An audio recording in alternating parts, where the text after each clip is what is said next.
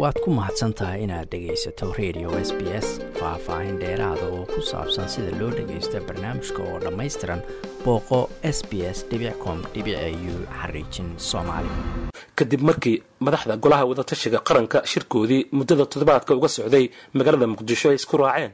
Qodobo muhiim u ah habraaca doorashada dalka ayaa waxaa qodobkaasi ugu weynaa in si kama dambaysta loo soo gebagabeeyo doorashada golaha shacabka ee baarlamaanka koobiyo tobanaad ee jamhuuriyadda soomaaliya ka hor shan iyo labaatanka bisha soo aadan ee februari waxaana arrintaasi barbar socday digniino iyo hanjabaadyo ka imaanayay dalalka caalamka gaar ahaan kuwa taageera dalka soomaaliya oo ugu horeeyo dalka maraykanka muddada ay haystaan madaxdii shirkaasi u dhexeeyey oo uu ku jiro ra'iisul wasaaraha iyo madaxda maamul goboleedyada dalka ayaa ah ilaa iyo afartan cisho marka laga soo bilaabo shan iyo tobankii bishan waxaana qodobada ka soo baxay shirkaasi soo dhoweeyey madaxweynaha dowladda federaalk maxamed cabdulaahi farmaajo ee mudaxileedkiisu dhammaaday islamarkaana la aaminsan yahay inuu khilaaf aan qarsoonayn u kala dhexeeyo ra'iisul wasaaraha xilgaarsiinta maxamed xuseen rooble ee talada doorashada loo egmaday wixii shirkaasi ka dambeeyey madaxda maamuladu waxa ay bilaabeen dardar ku aadan soo saarista liiska musharaxiinta u tartami doonta kuraasta baarlamaanka koobiyo tobanaad ee deegaanadooda ka imaanaysa iyadoo muddadaasi afartanka cisho la doonayo in lagu dhammaystiro laba boqol shan iyo toddobaatanka xildhibaan oo keliya ilaa iyo shan iyo soddon kursi la doortay kuwaasi oo qaarkood dacwado laga keenay. Hawsha ugu horeysay ee arrinta doorashada ugu mudan ee la qabtay ayaa ahayd doorashadii guddoomiyaha guddiga hirgelinta doorashooyinka heer federaal kadib markii guddigaasi ay xilkii ka qaadeen guddoomiyihii guddigaasi maxamed xasan ciro iyagoo ku eedeeyey shaqo gudasho la'aan iyo ku milmidda dhanka siyaasadda waxaana guddoomiyaha cusub ee guddiga hirgelinta doorashooyinka heer federaal ku soo baxay kadib tartan uu galay muuse geele yuusuf oo mahadcelin kadib isagu qiray wakhtiga ay haystaan inay doorashada ku soo gebagabeeyaan inuu aad u yaryahay sida oo ay tahayna uu rajaynayo in wakhtigaasi loo qabtay ay wax ku dhammaadaan. Doorashada inta caqabado ku geydaaman inta ay jiitamaysay iyo wakhtiga ay hadda haysato marka la eego waa culays aada u weyn laakiin waxaan isku dayaynaa insha allahu guddigayaga kan inaannu si adag u bilowno si deg dega u bilowno surcad gelinno inuu doorashadu qabsoonto. Xilligaas iyo xilli u dhow aannu ku soo dhammayno insha allah baanu insha allah isku dayaynaa hawl baa noo taal aad iyo aad baa u mahadsantihiin. Sidoo kale waxaa lagu wadaa in maalinta khamiista la doorto guddoomiyaha guddiga xalinta khilaafaadka ee doorashooyinka heer federaal. Hadda guddiyada maamulaya doorashooyinka heer maamul goboleed ayaa intooda badan soo saaray liiska musharaxiinta u tartamaysa qaar ka mid ah kuraasta taalla deegaanadoodii iyadoona sidoo kale guddiyada qaarkood ay magacaabeen odayaasha iyo xubnaha bulshada rayidka ee soo xulaya ergada boqol iyo kowda ka kooban ee wax dooran doonta waxaana ka mid ah guddiga hirgelinta doorashooyinka gobollada waqooyi ee somalilan kuwa oo shaaciyey odayaasha iyo bulshada rayidka ee soo xuli doona ergada.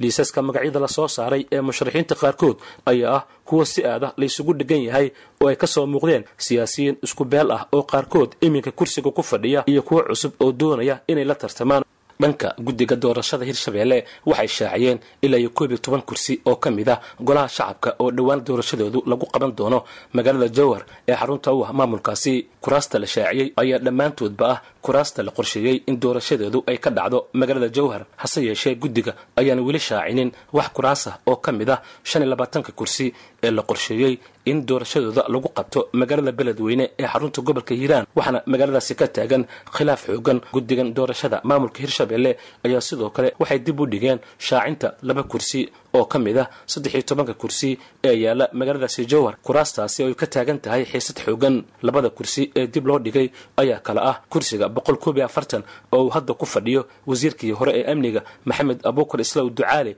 iyo kursiga boqol afartan iyo lix oo uu ku fadhiyo wasiirka amniga xukuumadda xilgaarsiinta cabdulaahi maxamed nuur.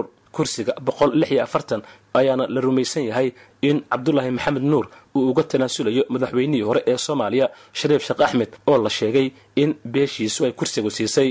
Dhanka xildhibaanada ka imaanaya galmudug ayaa ah doorashadeedu mid xasaasi ah iyadoo guddiga doorashada galmudug ay shaaciyeen kal hore liiska ilaa iyo iyo labaatan kursi oo dhowaan ay qaban doonto doorashadoodii waxaana ka dhex muuqda kuraas wajihi doonta loolan adag. Kuraasta sida weyn loo sugayo doorashadoodii ee liiskan ku jira waxaa ka mid ah kursiga laba boqol sideed iyo afartan oo uu u taagan yahay jananka lagu magacaabo saadiq john kursigan ayaa waxaa la rumaysnaa in uu isu soo taagi doono gudoomiye ku-xigeenka koowaad ee aqalka sare abshir maxamed nuur bukhaari waxaana haddii uu tartamo abshir bukhaari kursigaasi loolan adag uu kala dhexayn doonaa taliyihii hore ee ciidanka biliiska gobolka banaadir genaraal saadiq john isla doorashada ka dhici doonta xildhibaanada ka imaanaya galmudug ayaa waxaa sidoo kale xusid mudan in kursiga oo uu haatan ku fadhiyo xildhibaan mahad salaad uu ka mid noqon doono kuraasta sida xoogan lagu tartami doono oo si weyn indhaha loogu hayo si la mid ah kursiga oo iminka ku fadhiyo xildhibaan saciid nuur gariish ayaa waxa uu wajihi doonaa marka loo eego loolan aad u adag waxaana doonaya inuu ku tartamo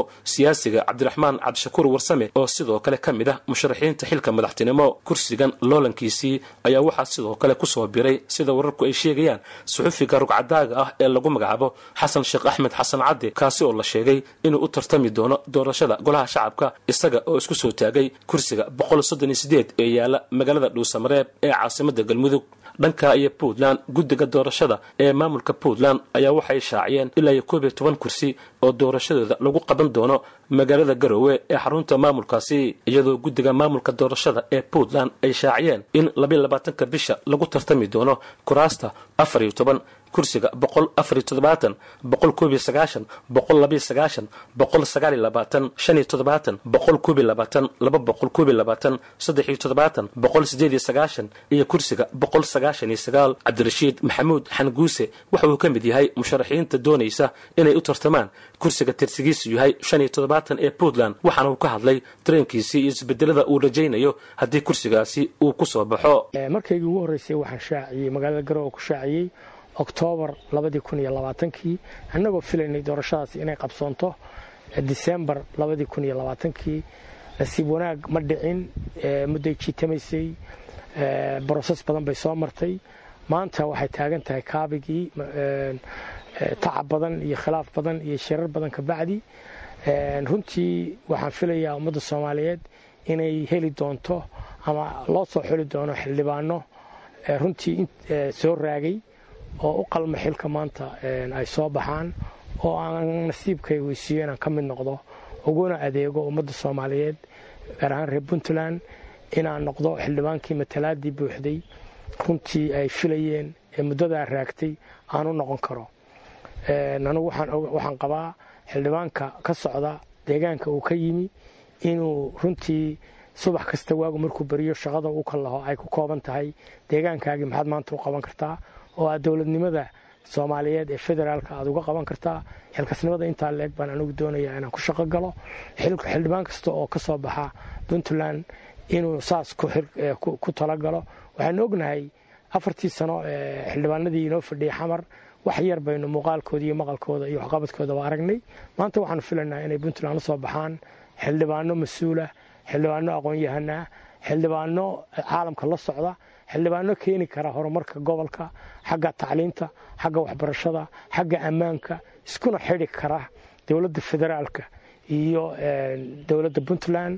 Iyada oo haddaba ay socdaan dadaaladaasi ay maamuladu ku doonayaan inay ku dedejiyaan qabsoomidda doorashada ayaa haddana waxaa weli soo baxaya cabashooyin iyo digniino ay jeedinayaan beelaha qaarkood oo sheegaya in xaqii ay lahaayeen la duudsiiyey. Waa kuwan qaar ka mida waxgaradka deegaan doorashadeedu ay tahay deegaanada galmudug oo cabanaya waxaan uga digaynaa cid kasta oo ay qusayso arrinkaas. Sida maamulka galmudug guddiga doorashooyinka hadday tahay siidka iyo hadday tahay fiidkaba. Madaxda dalka ra'iisul wasaaraha iyo madaxweynaha.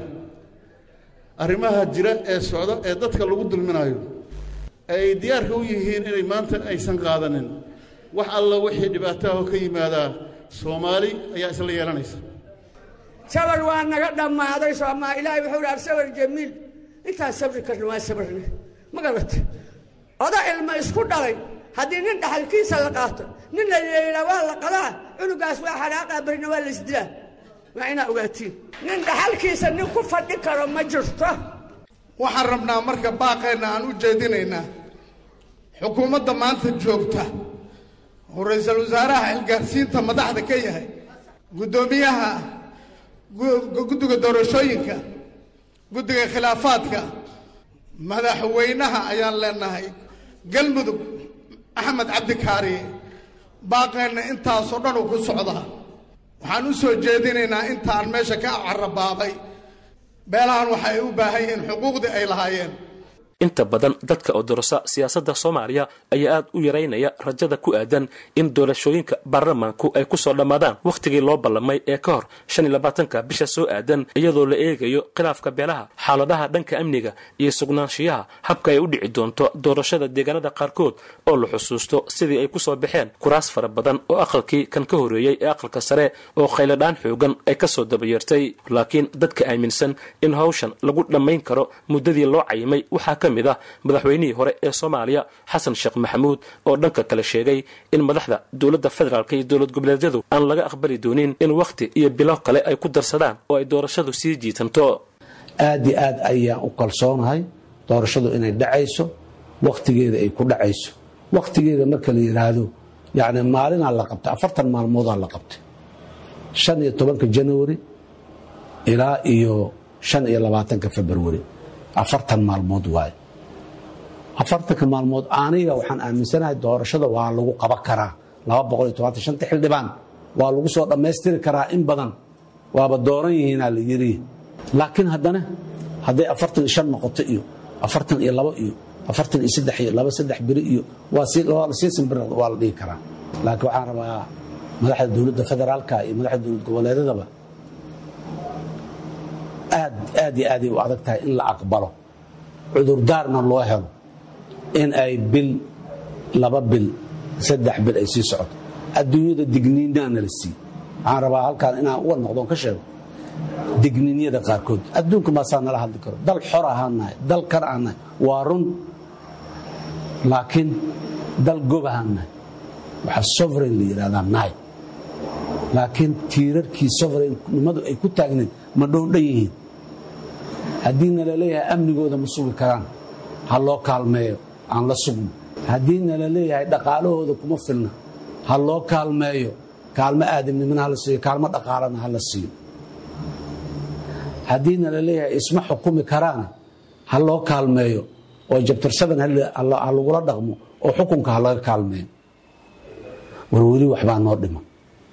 Waxaa intaas dheer. Marka in naloo digo oo laiyaanimayaw wakhtigaas haddaad ku imaan weydaan annaga waa dee wakhti kale idimahan waa idinka tegaynaa waa idinka tegaynaa macnaheeda maxaa waaye? Macnaheeda waxa waaye wixii aan ku guuraysanay sideeddii sano ee la soo dhaafay ee kumeelgaarnimada aan ka baxnay oo dhan inaan dib u wayna inay suurtagal tahay. Waad ku mahadsantahay inaad dhegaysato raadiyaha s b s toos u dhegaysa barnaamijka habeenada arbacada iyo jimcada tobanka fiidnimo ama kaga soo cesho website-ka iyaga iyo s b s radio app. Booqo s b s com au xariijin soomaali